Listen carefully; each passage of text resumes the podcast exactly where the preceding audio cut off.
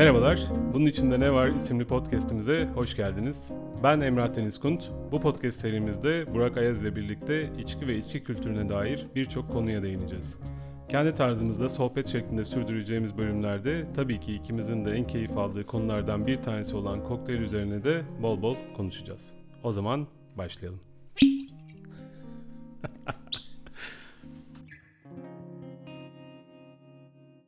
Bu bölüm podcast serimize bir girizgah niteliğinde olacak. Öncelikle kendimizden, sonrasında da kokteyl tarihçesinden ve zaman içerisinde oluşan trendlerden bahsedeceğiz.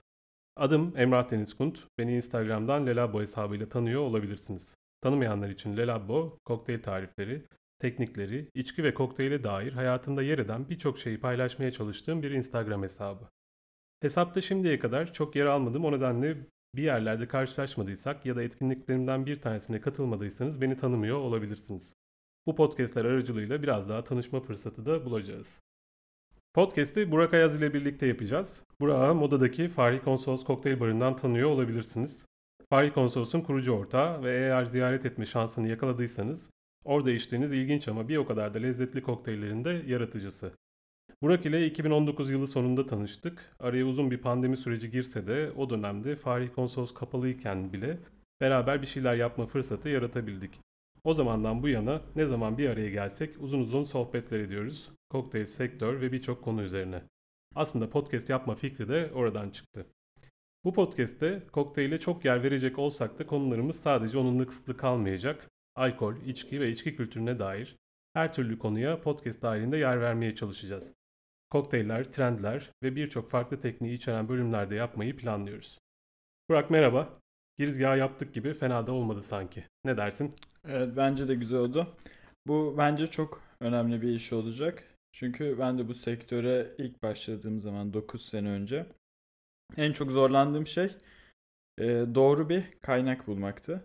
Bilhassa Türkçe kaynak. E, ne yazık ki burada yeterli veriye ulaşmak çok zor. Evet ben başladığımda da internet vardı.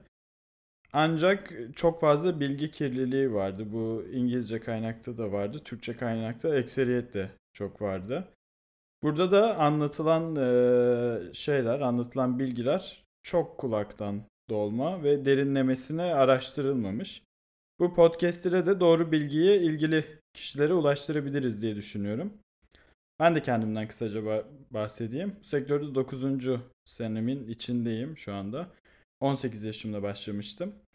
Liseden mezun olduktan sonra üniversiteye girmeden önce yaz aylarında çalışmaya başladım. Üniversiteye girmeden önce biraz para biriktireyim diye.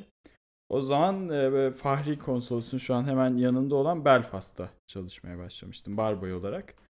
Sonra iş hoşuma gitti.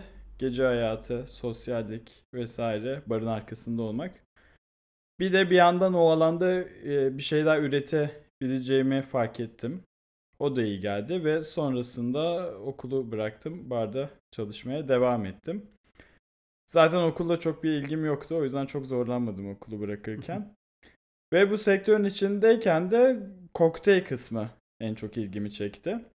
Barmen tamamen kokteyl yapmakla ilgili e, bir iş tanımı değil. Çok daha büyük bir iş e, kolu ve birçok şey barındırıyor. Ama beni en çok ilgilendiren şey kokteyldi. Diğer kısımları da e, belki kokteyl olmadan olsaydı sadece belki de benim devam etmem için gerekli motivasyonu vermezdi. Sonra aradan yıllar geçti ve 2019 yılında Emir Ali Enç ile birlikte ki kendisi Soy Bakır'ın sahibidir bir hayalimiz vardı. Türkiye ve yakın çevresinin ürünlerini e, kullanan bir kokteyl bar kurmak. Ve sonradan bu mekanı kurabileceğimiz fiziki alanı bulduk ve Fahri Konsolos'u açtık. Ee, ve hala da bu geçen 9 yılın ardından hala da kendimi geliştirmeye çalışıyorum. Yeni bir şeyler ortaya çıkartmaya çalışıyorum. Belki senin hikayenden de bahsedebiliriz. Seninkisi biraz daha farklı bir girizgah içeriyor bana kıyasla. Evet öyle diyebiliriz aslında. Çünkü giriş, girişim aslında bu sektöre biraz enteresan hakikaten. Biraz beklenmedik belki de biraz kontrolüm dışında. Ama özet olarak aslında bütün bu olay benim kokteyl severliğimle başlıyor. Çünkü oldum olası yüksek alkollü içkileri bir şeyle karıştırarak içmeyi seviyordum. Ee, bu da 1999 işte üniversiteye geldiğim seneleri 2000 yılları başına kadar gidebiliriz aslında bu konuya girdiğimizde. O zamanlar tabii üniversite öğrencisiydim. Ee, şimdi tabii o dönemde ülkede çeşidin hani içki çeşidinin az olması e, bir de tabii öğrenci olma nedeniyle kısıtlı kaynak ve de nitelikten öte niceliğin belki daha ön planda olması nedeniyle bazı ürünleri aslında başka şeylerle karıştırarak içmek daha cazip geliyordu. Bu nedenle de o dönemde mecburen işte belki karıştırıyordum diyebiliriz aslında.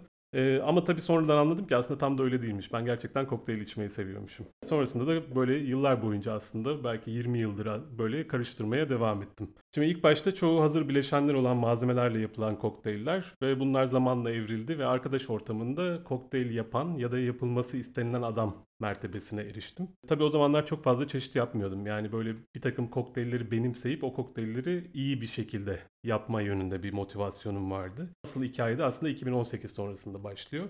Çünkü o zamana kadar aslında iyi bir kokteyl müşterisiydim diyeyim. Hani evde de yapıyordum, arkadaş ortamında yapıyordum vesaire ama daha çok çeşitleri hani dışarı çıkıp dışarıda farklı şeyler deneyerek e, bu tatmini gidermeye çalışıyordum. Fakat 2018'de ikinci çocuğumuz dünyaya geldi ve bu sosyalleşme işte dışarı çıkıp yeni şeyler deneme biraz olsun kısıtlanmaya başladı. Bu durum böyle olunca da biz de dedik ki e, yapabiliyoruz. Hani o zaman evde bu çeşitleri arttıralım ve yeni yeni kokteyller deneyelim. Onları da evde tüketmeye başlayalım. Çünkü eşim de ben de kokteyl içmeyi seven insanlarız. Ee, bu şekilde başladı. Bunları yapmaya başlayınca da tabii şey oldu.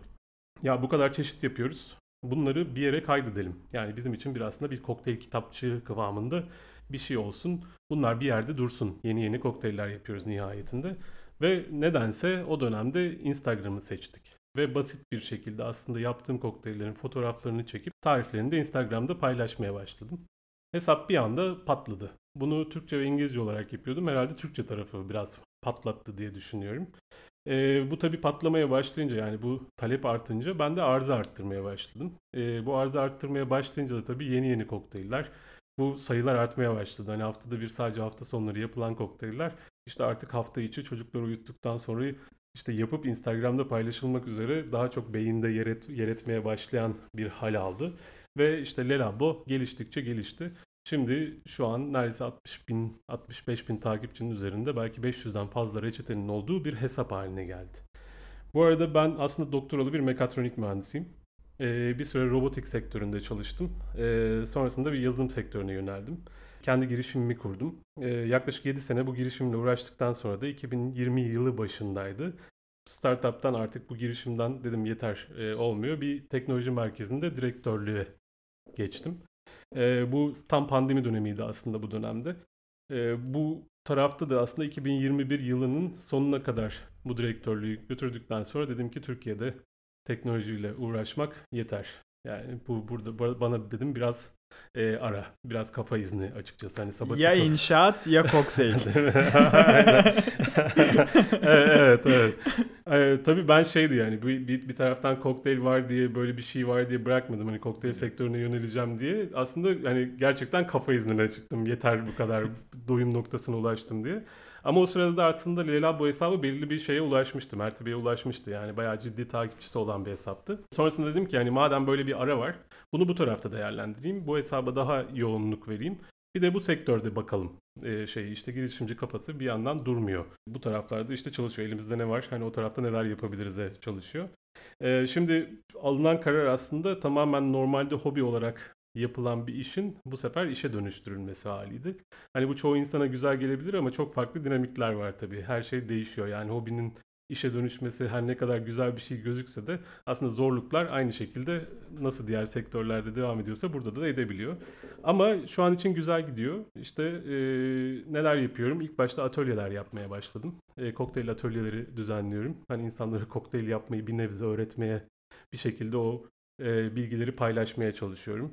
E, bir yandan hesabı devam ettiriyorum. E, bir yandan da işte sektörde neler yapılabilir diye açıkçası devamlı işte bir arayış içerisindeyim.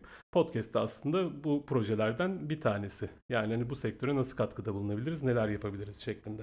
Bence yeterli galiba bu kadar evet, bahsetmek. Evet bence de bence de ben, ben, ben de hesabı ekseriyetle zaten takip ediyorum ve beğeniyorum da. hesapta öncelikle tükettiğimiz şey e, oradaki o görsel. Hı hı.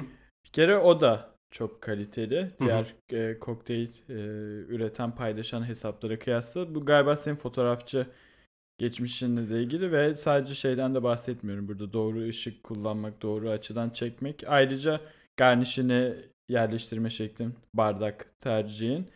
Ve tariflerde yalancıktan bir şey yapmıyorsun gerçekten. O da çok takdir edilesi. Yok yapmıyorum. Evet. Çünkü bazen bazı kokteyller görüyorum Instagram'da. Tam fotoğraf hoş çıkmış ama o içerikler falan çok belli rezalet bir şey. Hı hı hı hı. Sen onu yapmıyorsun. Hakikaten deniyorsun ve tadından eminsen insanlarla onu paylaşıyorsun.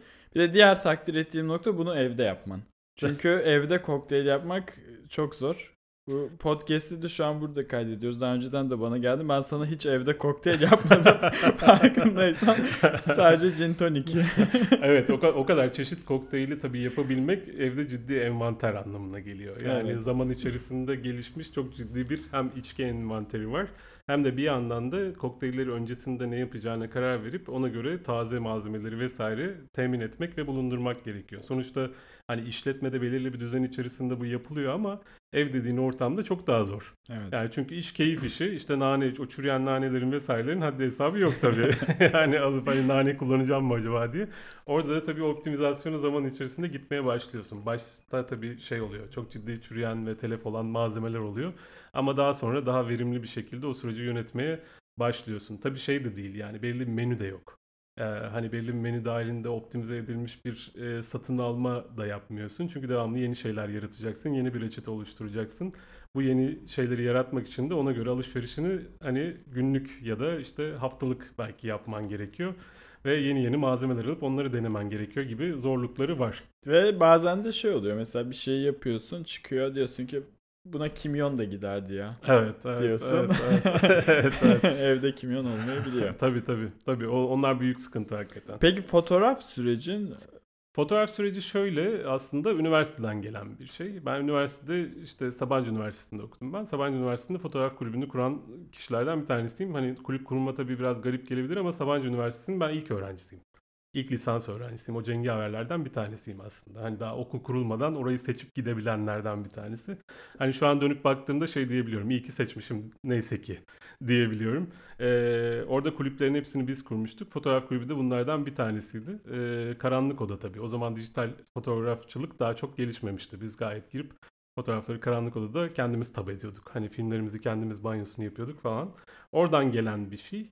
Hani tabii ki şey diye bakıyorum hani atlı deve değil ama muhtemelen işte o zamanların şeyinden gelen e, hani bilgi birikiminden vesaireden gelen bir göz e, görme e, daha doğrusu hani kadrajı oluşturma şeyi var diyelim. Yani aslında hani tabii kısıtlı ortamlarda da hani çok farklı şeylerle, basit ekipmanlarla e, yapılabilecek çok şeyler var. Yani e, fotoğrafçılık tarafında. Bazen hani şey diye sorular geliyor. Stüdyonuz nerede? E, diyorum ki stüdyo yok. Evimin o evimdeki yemek masasının üstünde çekiyorum falan deyince çok şaşırıyor tabii insanlar ama gayet öyle yani basit ışıklarla e, basit ekipmanlarla çekilen fotoğraflar aslında ki o ve o görsel zeka şey de yansıyor. O kokteylin e, görüntüsünü oluşturmaya da yansıyor kesinlikle. Evet, tabii bazen bazı kokteyller oluyor tat olarak çok iyiler ama görsel olarak iyi değiller mesela. Kesinlikle. Yani onlar mesela Instagram'da ne yazık ki yerlerini bulamıyorlar Evet. hesapta. Bazen öyle mesela kahverengi kokteyl. Ee, büyük problemdir mesela Evet. şeyde görsel, görsel olarak. Ama hani çok leziz kokteyller çıkabiliyor bir yandan ama ne yazık ki yer alamıyor şeyde hesapta. Okey. O zaman biraz kokteyl tarafına yavaştan böyle giriş yapalım mı? Evet yapalım. Tamam. Bu ilk bölüm aslında biraz böyle bir ısınma bölümü olacak. Kokteylden ve kokteylin başlangıcından günümüze kadar gelen sürecinden kısaca bahsetmeye çalışacağız. Şimdi öncelikle kokteyl tanımı yapılmasından birkaç yüzyıl öncesine gidelim diyorum ben. Çok da fazla gitmeyelim çünkü hani gidersek bunun sonu yok.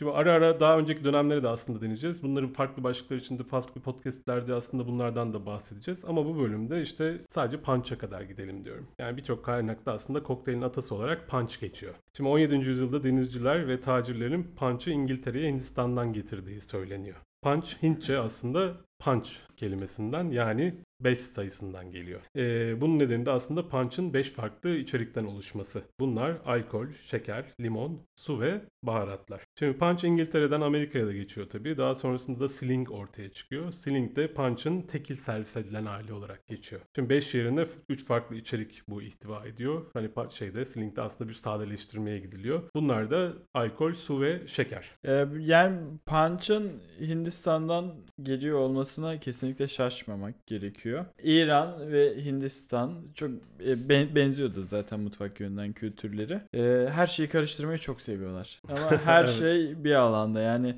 bu masallarında da gözlemlenebiliyor. Belirli masal öğeleri, öğeleri mesela nedir? Prenses, aslan, büyücü, cadı falan, kral. Bunların hepsi her masalda kullanılıyor. Hint masallarında da İran masallarında da. Punch bu arada İran'dan gelmiş olabileceğini de söyleyenler var. Hatta ke- kelime de aynı bu arada Farsça, Sanskritçe'de. Pench Farsça'da da. O da Okey. 5. Ama ba- bana da Hindistan'dan gelmiş olabileceği daha mantıklı geliyor. Ee, ancak burada hani e, Batı'nın buna etkisi bunu ürünleştirebiliyor. Bunu bir son bir ürüne çıkar e, dönüştürebiliyor. Sadece bir kültürel enstantane olmuyor. Ki zaten Sling de bunun örneği. Daha kişiselleştirebiliyor Punch'ı. Ki Punch da aslında baktığımız zaman teknik olarak bir kokteyl. Şimdi biraz daha ileriye gidersek aslında kokteyl kelimesi hani bu içeceğe nasıl geliyor tarafına. Hani ondan önce aslında kokteyl kelimesi farklı anlamlarda da kullanılıyor. Yani ilk defa işte kuyruğu kesik atlara verilen anlam dışında 20 Mart 1798 yılında Londra'da The Morning Post ve Gazetteer'de geçiyor. Bir içecek olaraksa ilk defa Amerika'da The Farmers Cabinet'te 28 Nisan 1803'te geçiyor. Ama ilk tanımı 13 Mayıs 1806'da The Balance and the Columbian Repository gazetesi mi diyelim artık onun basılı bir şeyde geçiyor. Mecmuada geçiyor. Evet evet evet. Bundan bir hafta önce, bu 13 Mayıs tarihinden bir hafta önce ki bir yazıda sadece kokteyl kelimesi yer alıyor. Onu takip eden bir aslında okuyucu diyor ki tamam böyle bir kokteylden bahsediyorsunuz ama bu ne diye bir soru yöneltiyor. Bir hafta sonra da kokteylin tanımına yer veriyorlar. Bu tanımlama gazetede şu şekilde yapılıyor. Kokteyl herhangi bir içki, şeker, su ve bitterden oluşan uyarıcı bir likördür diye bir tanım yapılıyor. Tabi devamında da bunun enteresan bir tarafı var. Bunun bir seçim iksiri olduğunu, kafa bulandırdığını ve o nedenle demokratik aday için çok kullanışlı olacağını, çünkü bundan bir bardak yutabilenin başka herhangi bir şeyi de yutmaya hazır hale geleceğini belirtiyorlar. Yani aslında tamamen politik bir söylemle belirtilmiş bir tanım var bunun arkasında. Yani aslında şöyle de anlaşılabiliyor. Gazetede direkt kokteyl ismiyle e, yer aldığına göre ki o dönemdeki okur yazar oranının bu döneme kıyasla daha az olduğunu düşünürsek belli bir zümre zaten kokteyle hakimdi demek ki. O diğer zümre bundan belki daha alt sınıf haberdar değildi ve böyle bir e, komplolaştırma durumu olmuş tabii. Olabilir. sonucunda. Olabilir.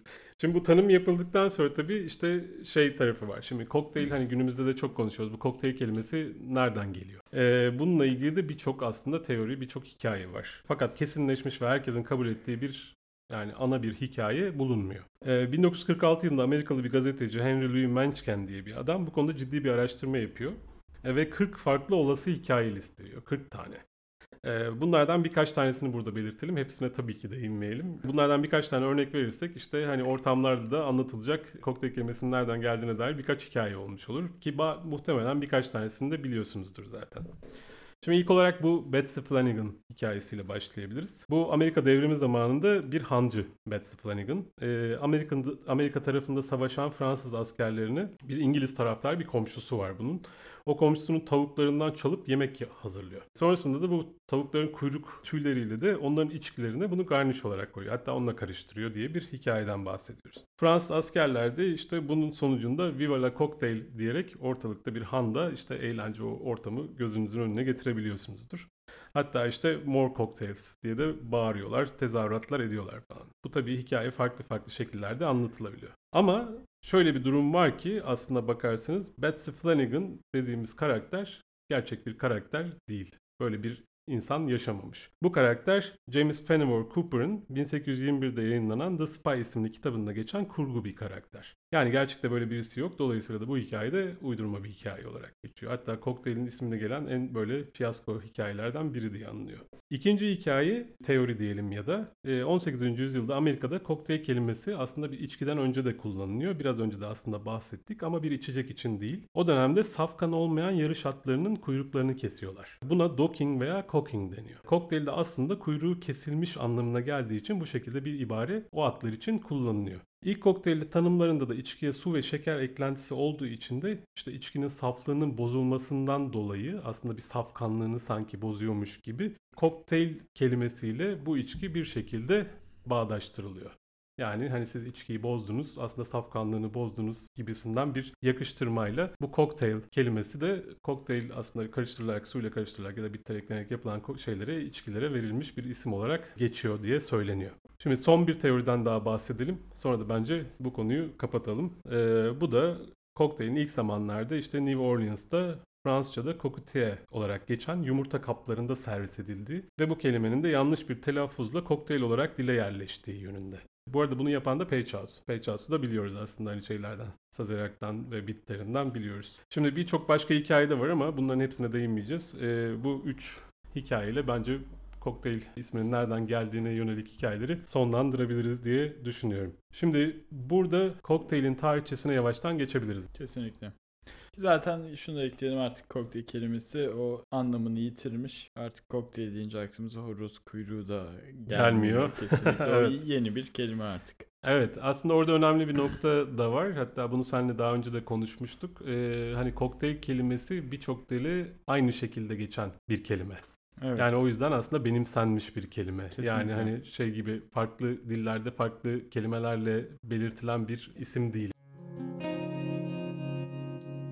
Şimdi kokteylin tarihçesine geçerken de bence hani en mantıklı olan yer aslında 19. yüzyıl Amerika'sına gitmek. 18. Ee, yüzyıl sonları ve 19. yüzyıl başlarında farklı alanlardaki aslında gelişmeler kokteylin gelişmesine de zemin hazırlıyor. Ee, öncelikle daha kaliteli içkiler ortaya çıkıyor ve daha önemlisi de buz aslında artık daha erişilebilir hale geliyor. Buz önceden de kullanılıyor fakat tabii ki çok yaygın değil ve her mevsim erişilebilir bir şey de değil. O yüzden bara gidip içkilerinizi ve içki karışımlarınızı buzsuz içtiğiniz bir dönemi e, şu an düşlerseniz bu konunun aslında ne kadar önemli olduğunu algılayabilirsiniz diye düşünüyorum. Antik Roma'da sadece en zenginlerin böyle senatörler falan toplandıkları zaman onların masasında buz olurmuş. Hmm, yani bu buz hasadı işte enteresan bir şekilde başlıyor. Bu arada bu hikayede çok fazla şey de var. Batık hikayesi yani çok ciddi anlamda uğraşılıyor buzun hasadına ve hani düzgün şekillerde servis edilmesine bayağı zaman alan bir süreç. Ama nihayetinde bu yapılıyor ve her mevsim buza erişilebilir bir şekilde hale getiriliyor. Buzlukların olmadığı zamanlardan daha öncesinden bahsediyoruz. Şimdi bu dönemden bahsederken tabii hani önemli kokteyller olan Sazerac, Mint Julep gibi ilk ya da klasik olarak nitelediğimiz kokteyllerin çoğu da aslında bu yüzyılın ilk yarısında ortaya çıkmaya başlıyor. O döneme kadar Avrupalılar gözünde bu arada Amerika dünyaya herhangi bir katkısı olmayan bir ülke olarak betimleniyor. Buna dünya mutfağı da tabii dahil. Yani dahil gastronomik alanda da. Fakat kokteyl bu algıyı değiştiriyor ve Avrupa'nın benimsediği de Amerika'nın gastronomik alanında aslında küliner ilk katkısı olarak kayıtlara geçiyor. Mint julep'e şöyle bir parantez açmak istiyorum. Julep kelimesi etimolojik olarak Farsçadan geliyor. Gülab kelimesinden geliyor. Gül suyu demek. Ve antik İran'da şöyle bir kokteyl yapıyorlar. İçeriklerini söylüyorum. Anasonsuz arak yani bir çeşit vodka diyebiliriz buna. Pekmez ve gül suyundan oluşuyor bu. Ve kırık buzla yani kar buzla karıştırıyorlar bunu. Ee, kar buz içinde kışın böyle iglo benzeri yapılar oluşturuyorlar. İçine karı depoluyorlar ve bütün yaz aslında buza, kara erişimleri oluyor. Aslında bir çözüm üretmişler o dönemler buna. Ve e, Gülap da Avrupa'ya geçtiği zaman hem ismi değişiyor. Julep oluyor. Ve o arak e, anasonsuz arak viskiye dönüşüyor. Gül suyu naneye dönüşüyor. Pekmez de şeker şurubuna dönüşüyor. Aslında bazı şeylerin temelleri çok çok daha eskisine dayanabiliyor. Bu konuşmalar içinde daha da ortaya çıkacak zaten. Şırap da öyle, bitter de öyle. Lakin 19. yüzyıl kokteyl dünyasına geri dönelim. Bu dönemde bir kişiden bahsetmemek kesinlikle olmaz. O da Jerry Thomas. barmenler arasında The Professor diye bilinir. Ee, bu alanda ilk kitapları yazan insanlardan birisi. Ve bence e, Jerry Thomas'ın yaptığı şey ondan başka insanların, daha öncesindeki insanların yapamadığı şey bara dikkat çekmeyi başarıyor. Öncesinde barlar, publar hani e, bar arkası çok dikkat çekmiyor. Bir belki açık mutfak gibi çalışıyor. E, hazırlık kısmı, ekipmanlar e, misafirlerin görmediği alanda duruyor ve alt barın alt tezgahında hazırlanıyor birçok şey. Jerry Thomas bunu barın üstüne çıkartan ilk kişi. Ve aslında o bütün hazırlık sürecini, kokteylin yapılış sürecini tiyatral bir şekilde insanlara yansıtıyor ve şu fikri veriyor. Bu barın arkasında kreatif bir şey yapılabilir, bir içerik üretebilir. Bunu gün yüzüne çıkartan ilk insan Jerry Thomas. O yüzden bence profesör lakabını da artık ne dersek buna hak ediyor sonuna kadar.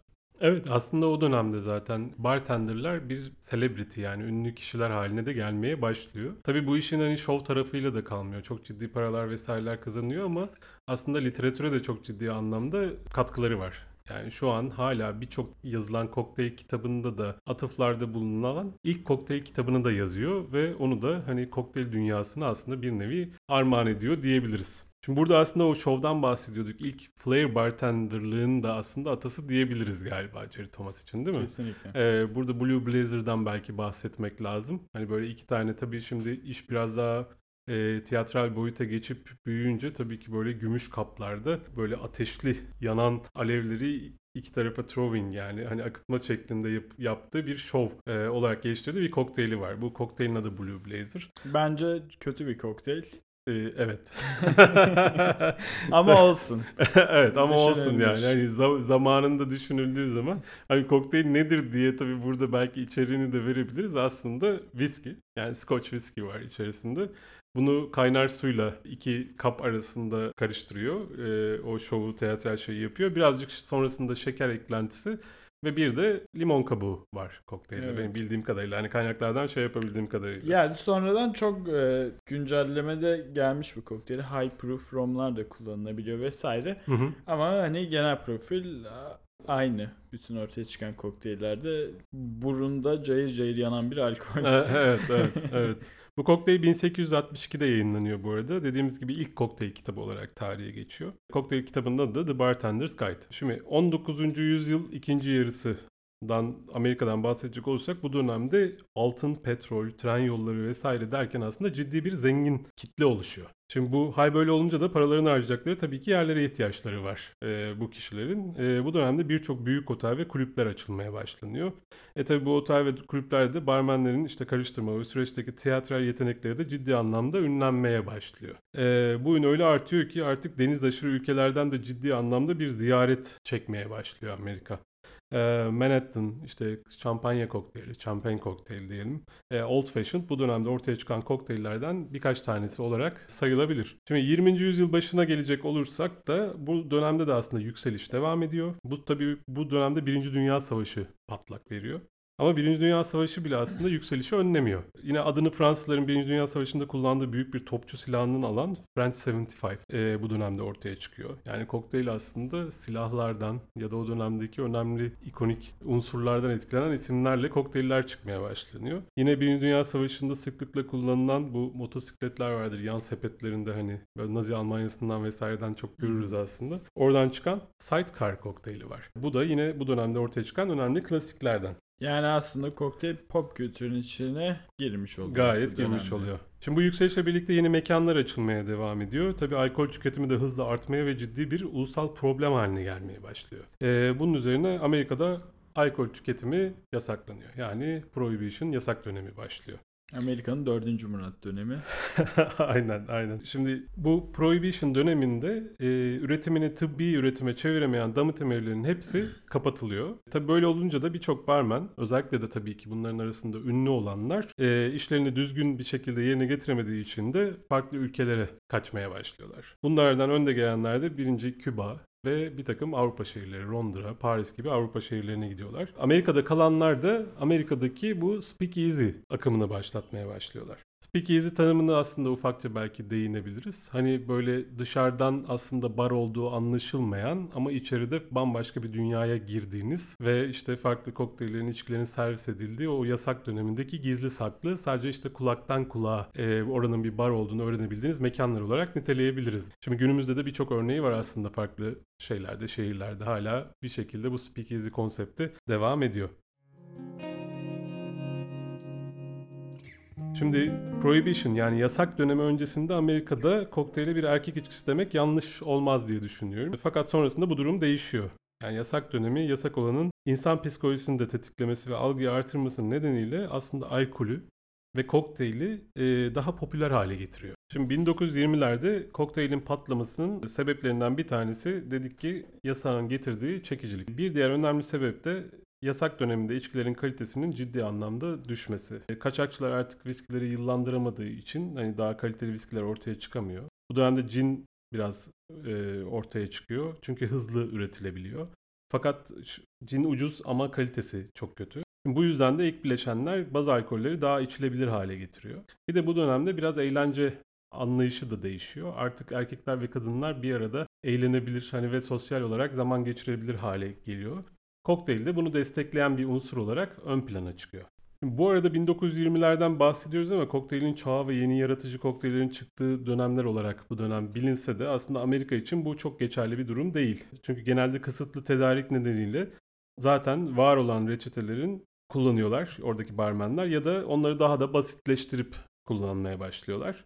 Kokteyl içmek her ne kadar popüler olsa da özellikle Amerika'da kokteyl yaratma ve kalitesi aslında çok ciddi sıkıntı çekiyor bu dönemde. Fakat alternatif olarak Amerika'dan kaçan barmenler bunların özellikle yerleştiği yerlerde yani Paris'te, Londra'da ve Küba'da kokteyl konsepti çok ciddi anlamda yükselmeye başlıyor. Ve Aralık 1933'te yasak dönemi yani Prohibition dönemi sona eriyor.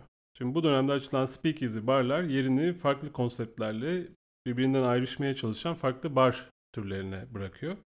Bunlardan bazıları da işte Polinezya esintili tropik motifli barlar. Fakat daha tam olarak o dönemde tiki patlaması yani tiki barlardan bahsediyoruz Polinezya etkili barlar derken o dönemde tiki patlaması söz konusu değil. Ee, ama o dönemde açılan farklı konseptlerden bir tanesi bu.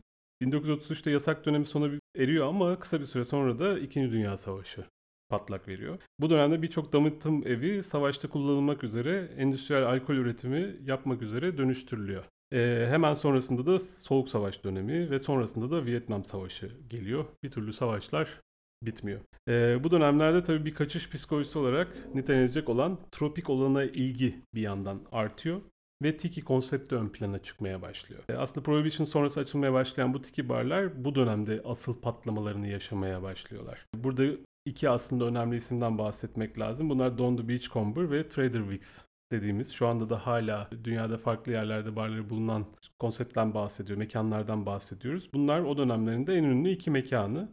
E, Mai Tai, Singapore Sling, Zombie, Pina Colada gibi kokteyller de bu dönemde ortaya çıkıyor. Tiki Boom'un e, hayvanat bahçeleriyle de bir ilişkisi var bence. hayvanat bahçeleri de ilk başta aslında 1700'lerin sonunda çıkıyor. Ama daha kısıtlı bir zümre için bu. işte sarayın bir hayvanat bahçesi falan var. Tam olarak bu tarihlerde halka açık hayvanat bahçeleri bütün dünyada popülerleşmeye başlıyor. Tike kültürü de aslında bu. Hani e, tehlikesiz bir şekilde o kültürün sadece eğlenceli kısmını gidip aldığınız, daha turistik, daha batıya göre ehlileştirilmiş bir de- deneyim formu aslında. Tabii tiki patlaması bu dönemde e, bir tarafta hani farklı bir tarafta tutacak olursak aslında 1950'ler kokteyl açısından çok enteresan bir dönem değil. Çünkü hani ilginç tatlarla inovatif karışımların yapıldığı bir dönem değil bu dönem. E, sadece alkol içeriklerinden oluşan ve o dönemde hatta maskülen bir kokteyl olarak niteleyebileceğimiz vodka martinin tekrar ün kazandığı bir dönemden bahsediyoruz. E, bunda tabii 1953 yılında Ian Fleming'in yarattığı James Bond karakterinde etkisi büyük. Bu arada ilk film 1962'de e, çekiliyor. Şimdi 60'lardan sonra 70'lerde kokteyl dünyasında bir düşüş başlıyor. Ee, özellikle 2. Dünya Savaşı dönemi ve sonrasında ortaya çıkan hazır ve hızlı tüketim odaklı gıda ürünleri kokteyl dünyasında kendine yer bulmaya başlıyor. Burada hazır mixler, toz bileşenler kokteyllerde ciddi anlamda e, yaygın olarak kullanılıyor.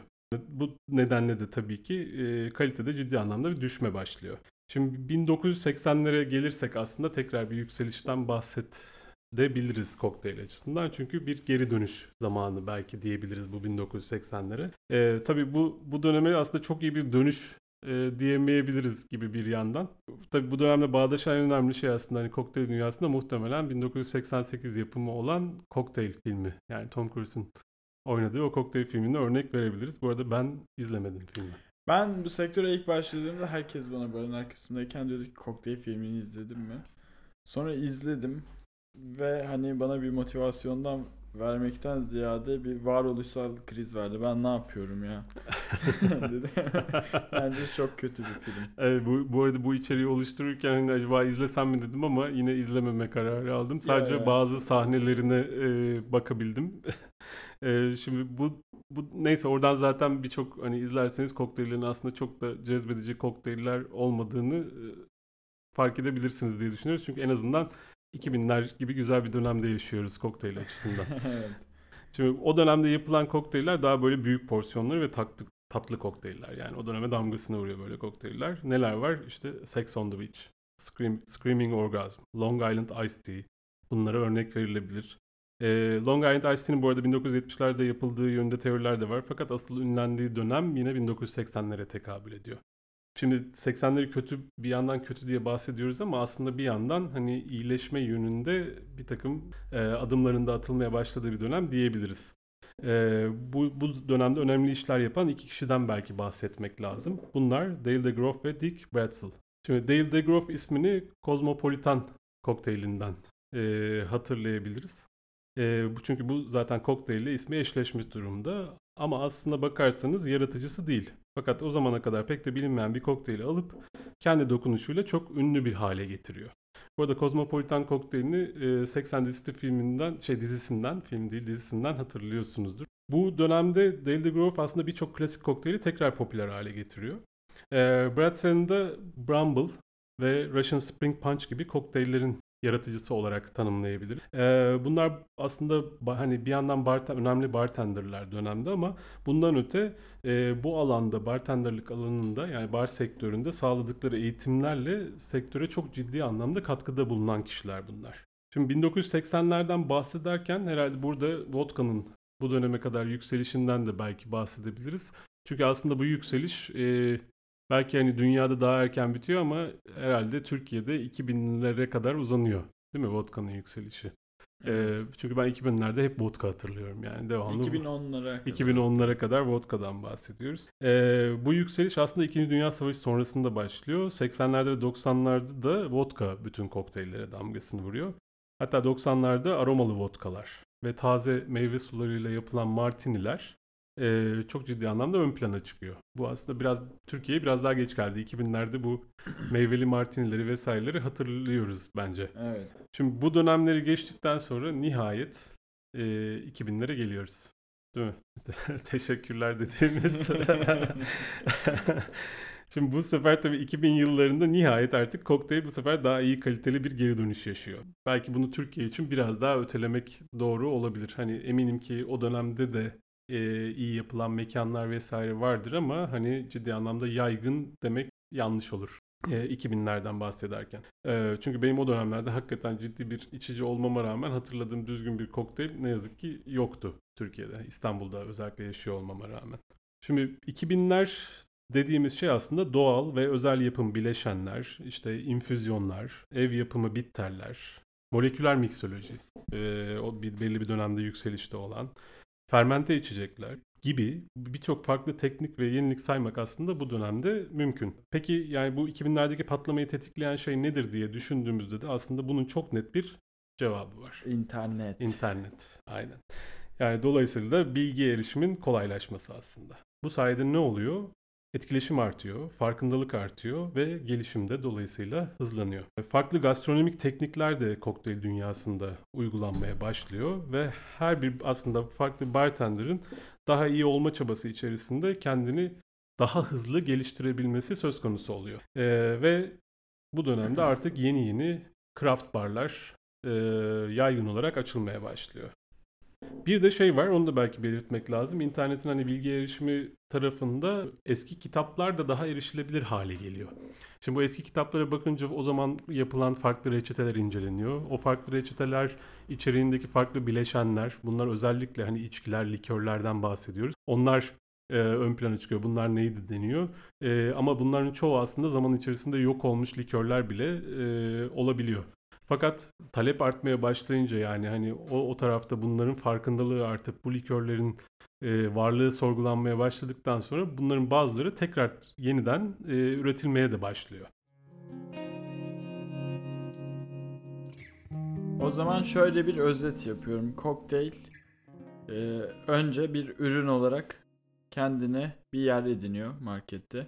Bir tanımlaması yapılıyor. Ney kokteyldir, ney değildir diye. Ondan sonra yavaş yavaş ürün yelpazesi genişlemeye başlıyor. Kokteyl içinde kullanılan malzemeler farklı boyutlara ulaşıyor. Sonrasında kokteylde kullandığımız malzemelerin e, kalitesinden bahsedilmeye başlanıyor. Hazır mı kullanıyorsun, taze mi gibi. Ondan sonra e, teknikler e, işin içine girmeye başlıyor. Özellikle 2000'lerde e, mutfakta kullanılan teknikler de kullanılmaya başlanıyor. Ve bu noktada malzeme yelpazesi de epey bir genişliyor. Artık çiçekler, sebzeler, baharatlar, meyveler zaten etkin bir şekilde kullanılmaya başlanıyor. Bence şu anda da artık geldiğimiz noktada da kokteyl tamamen bir üretim alanına dönüşmüş durumda. Ki bunun da en büyük göstergesi e, yanında başka anlamlar da artık taşımaya başlıyor. Mesela sürdürülebilirlik anlamını taşıyabiliyor veya başka şeyler, başka hikayeler yanında taşıyabiliyor. Farklı kültürlerin enstantanelerini yansıtabiliyor.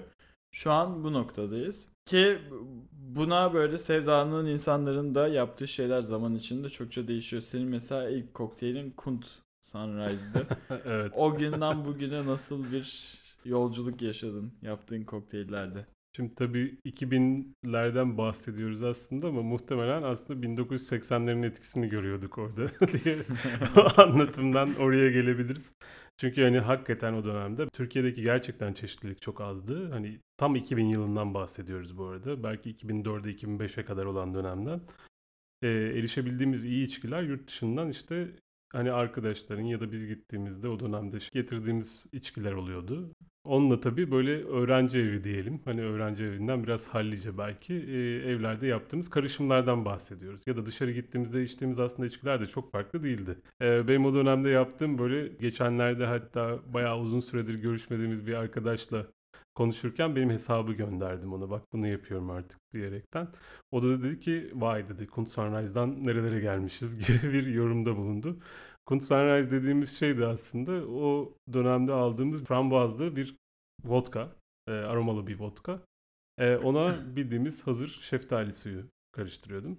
Üstüne de işte buzlu bardakta bu ikisini karıştırdıktan sonra yine hazır olan bir vişne suyunu böyle float ettiriyordum. Hani o şeyin aslında Tequila Sunrise görselinin bir nevi şeyini yakalıyorduk. O yüzden Sunrise ismi de oradan geliyordu.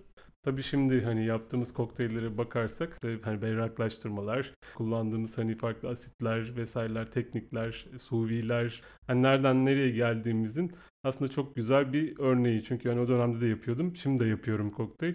Bu bağlamda ciddi anlamda o gelişimi gördük. Senin ilk yaptığın kokteyl neydi bu arada? Ben ilk mo- mojito. yani... mo- mojito genelde ilk yapılan Doğru. kokteyldir bu arada.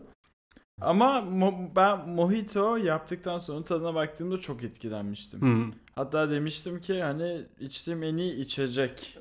Hani alkollü içki falan da değil yani içtiğim en lezzetli şey diye düşünmüştüm. Sonra ben kendim kokteyl yapmaya başladığım zaman da bu arada hep avantgarde oynadım bir şekilde. Hep şeye gidelim böyle kokteyl içinde görmeye alışık olmadığımız malzemelere gitmeye başladı. Tahmin edebiliyorum. Direkt öyle başladı. Tabii bu güzel şeyler çıktığı anlamına gelmiyor. İlk başlarda çok kötü şeyler çıkmıştı. Ee, şöyle bir süreç yaşadım. geçmişe kıyasla en çok edindiğim şey, e, değişen şey. O dönem çok fazla içerik koyuyordum. Yani işte bir kordiyal yapıyorum içine bir sürü şey giriyor. İşte bir likör yapıyorum bir sürü şey giriyor içine. Şu an onu biraz aşıyorum. Yani daha emin olmaya çalışıyorum hakikaten. Bunu bunun içine neden koyuyorum diye defalarca soruyorum ve eskiden şey diye düşünüyordum. Buna ne ekleyebilirim diye bakıyordum. Şu an ne çıkartabilirim diye daha çok bakıyorum. Ve her şeyi yerinde hakkını vererek e, kullanmaya çalışıyorum ama zaman içinde de gerçekten çok değişiyor. Mesela bazen bakıyorum bir sene önce yaptığım şey çok kötü gelebiliyor. Bunu bana bir kere bir şef söylemişti. Benim kokteyllerimle ilgili genel bir yorum yapıyordu. O onu yaparken aslında çok alınmıştım bazı şeyleri. Hani hoşuma gitmemişti. Ama demişti ki bana hani zamanla bunu fark edeceksin. Çileye bile bir sonraki sene başka bir şekilde bakıyorsun. Onun yaptığı yorumlardan sonra benim yüzüm biraz düşmüştü. Bunu söylemişti. Yani aslında hı hı. yolculuğun devam ediyor gibi bir yere bağlamıştı. Bu sene onu fark ettim. Hakikaten e, en basit malzeme bile çilek diyelim burada sıklıkla kullanırsın. Her sene buna başka bir şekilde bakabiliyorsun aslında. O yüzden sürekli bir gelişme içerisinde. Artık şeye daha çok odaklanmaya çalışıyorum. Üretim alanı çok geniş gerçekten. Bir sürü şey yapabilirsin. Hani aynı dört malzemeyi iki farklı barmene verelim. Gerçekten çok farklı şeyler önümüze gelir. Burada bence önemli olan şey bir değerlendirme kriteri oluşturmak. Hani sonuçta kağıda yazarken, kağıtta başlarken de aynı içeriklerde böyle bir sürü varyasyon üretiyoruz. Değerlendirme ölçütü burada en önemlisi. Bu sene onu daha çok e, idrak etmeye başladım. Ne iyi kokteyldir, ne değildir. E, ve e, malzemeye daha çok artık saygı duymaya başladım. Artık şey gibi yaklaşmıyorum olaya. Eskiden bununla bunu şurada kullanıyorlar o zaman ben de kullanabilirim. Çilekle rezeneyi bir salatanın içinde gördüm çalışıyordu. O zaman kokteylde de bu olabilir şeklinde yaklaşmıyorum. Diğer denklemlere de oldukça dikkat ediyorum artık. Ve böyle benim için o süreç o ilerlemeye devam ediyor ve şöyle bir şey yaşıyorum. O deneyimim, birikimim arttıkça gerçekten artık üretim sürecinden de daha çok keyif alıyorum. Hı hı. Benim için öyle bir alana dönüştü. E, ve son zamanlarda e, şey de ifade etsin istiyorum yanında. Böyle onunla beraber bir hikaye de anlatılsın istiyorum. Bu hikaye olayı çok yanlış anlaşılabiliyor. İlla böyle bir kurgu veya bir şeye bağlanması gerekiyor gibi değil. Hikayeyle kastettiğim şey sözsüz de olabilir. Ee, sadece görselle de içindeki bir malzemeye bir şeye link verebilir ve bu da bir hikaye anlatabilir. Kastettiğim şey bu. Ee, artık buna da dikkat etmeye başlıyorum. O, o, o kısma da dokunabilmek istiyorum. Artık benim için böyle bir noktaya dönüştü.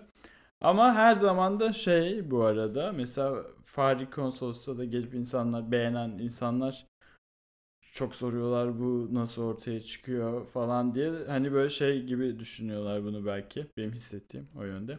Böyle bir an oluyor ve böyle o pairing fikri bana geliyor. Bir şey fısıldıyor kokteyl Muse tanrıları. geliyor değil mi? İlan falan. fısıldıyor bana ve bir kokteyl dönüşü ama Hı. gerçekten söyleyeyim burada benim 10 kokteylimden bir tanesi çalışıyor. E, yani tabii denilen kokteyller biraz sıra dışı vesaire hani farklı tatlar ve hani denenmeyeni denemeye çalışma yönünde şey olunca bu aslında bahsettiğimiz oran çok absürt bir şey değil. Hani onda bir aslında iyi bir rakam yani. Ben de mutluyum onda evet evet. Aslında doğru malzemeyi doğru şekilde kullanmak en önemli şey. Belki de buna en çok vakit harcanması gerekiyor bir kokteyli yaparken. Bir herhangi bir kokteyl bara gittiğinizde e, ilk baktığınız şey sonuçta menü. E, menüye bakıyorsunuz böyle sıralanmış bir takım kalemler var. E, bir kokteyl geliyor önünüze. Ekşi bir kokteyl. E, içinde atıyorum kimyon vardı. Kimyon nerede? Yok. İşte tarçın vardı. Sallıyorum şu an malzemeleri. Yok. Vesaire. Böyle öne çıkan birkaç tat var. Ve onların altında aslında ezilmiş birçok bileşen var. O zaman gerçekten bu malzemelere gerek var mıydı? Ee, sorusu ortaya çıkıyor ki yoktu yani. Kesinlikle. Yani tabii birçok insan bunun arkasına sığınmaya çalışıyor. Sen anlamadın o zaman gibi bir yere Hı hı. çıkıyor. Hani e, şey derler mesela bazı restoran e, eleştirmenleri bu tarz böyle avantgardın arkasına sığınmış ama hakikaten o emeğini vermemiş işler için playing for the offended school teacher. Hani böyle alınmış bir okul öğretmeni edasıyla Gü- Güzel bir tanımlama. Aynen. bunun gibi de olabiliyor gerçekten. Ee, ama kesinlikle avantgarde oynamamak lazım. Bunu başka bölümlerde belki daha detaylı işleyebiliriz. Ben başka bir podcast'te de bundan bahsettim. Ki bu söyleyeceğim şey başka insanlar da söyledi. Aşçılar da, barmenler de.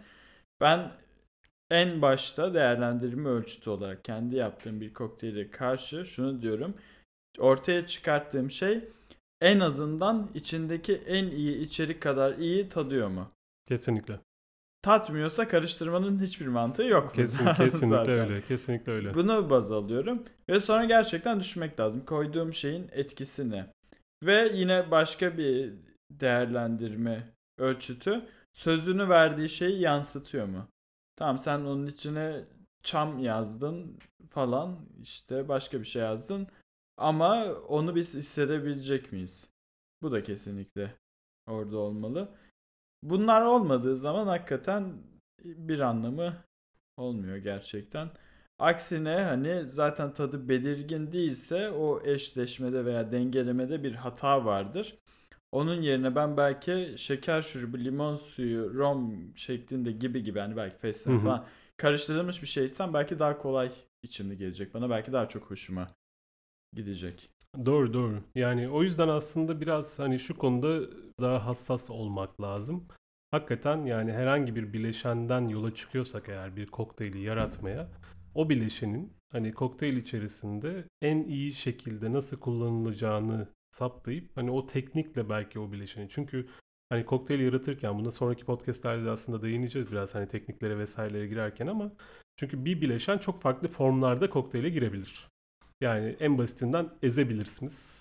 İşte bir şurup yapabilirsiniz. Bir kordiyal yapabilirsiniz. Ya da direkt ne bileyim bir özütünü çıkarıp öyle kullanabilirsiniz gibi. İnfüzyon, damıtma İnfüzyon. Evet bunun Yani bir, bir, bir dolu farklı teknik var. Ama işte hani doğru olan gerçekten hani hangi tekniğin o kokteyle e, doğru şekilde kanalize edileceğini karar vermek. Yoksa işte bir kum katı alıp ya kum kat ne yaparız? E, Sadece ezeriz. İşte bunu başka kullanmanın yöntemi var mı? Yok diye bakmamak lazım. Çünkü birçok farklı teknikte kullanılabilir aslında gibi birçok konu var. Ee, bunlara biraz özen gösterilmesi lazım kokteylleri yaparken. Yani kumkatani önemli bir örnekte o yüzden verdim. Çünkü ben bir süre uğraştım yani. Bu ezerek olmuyor.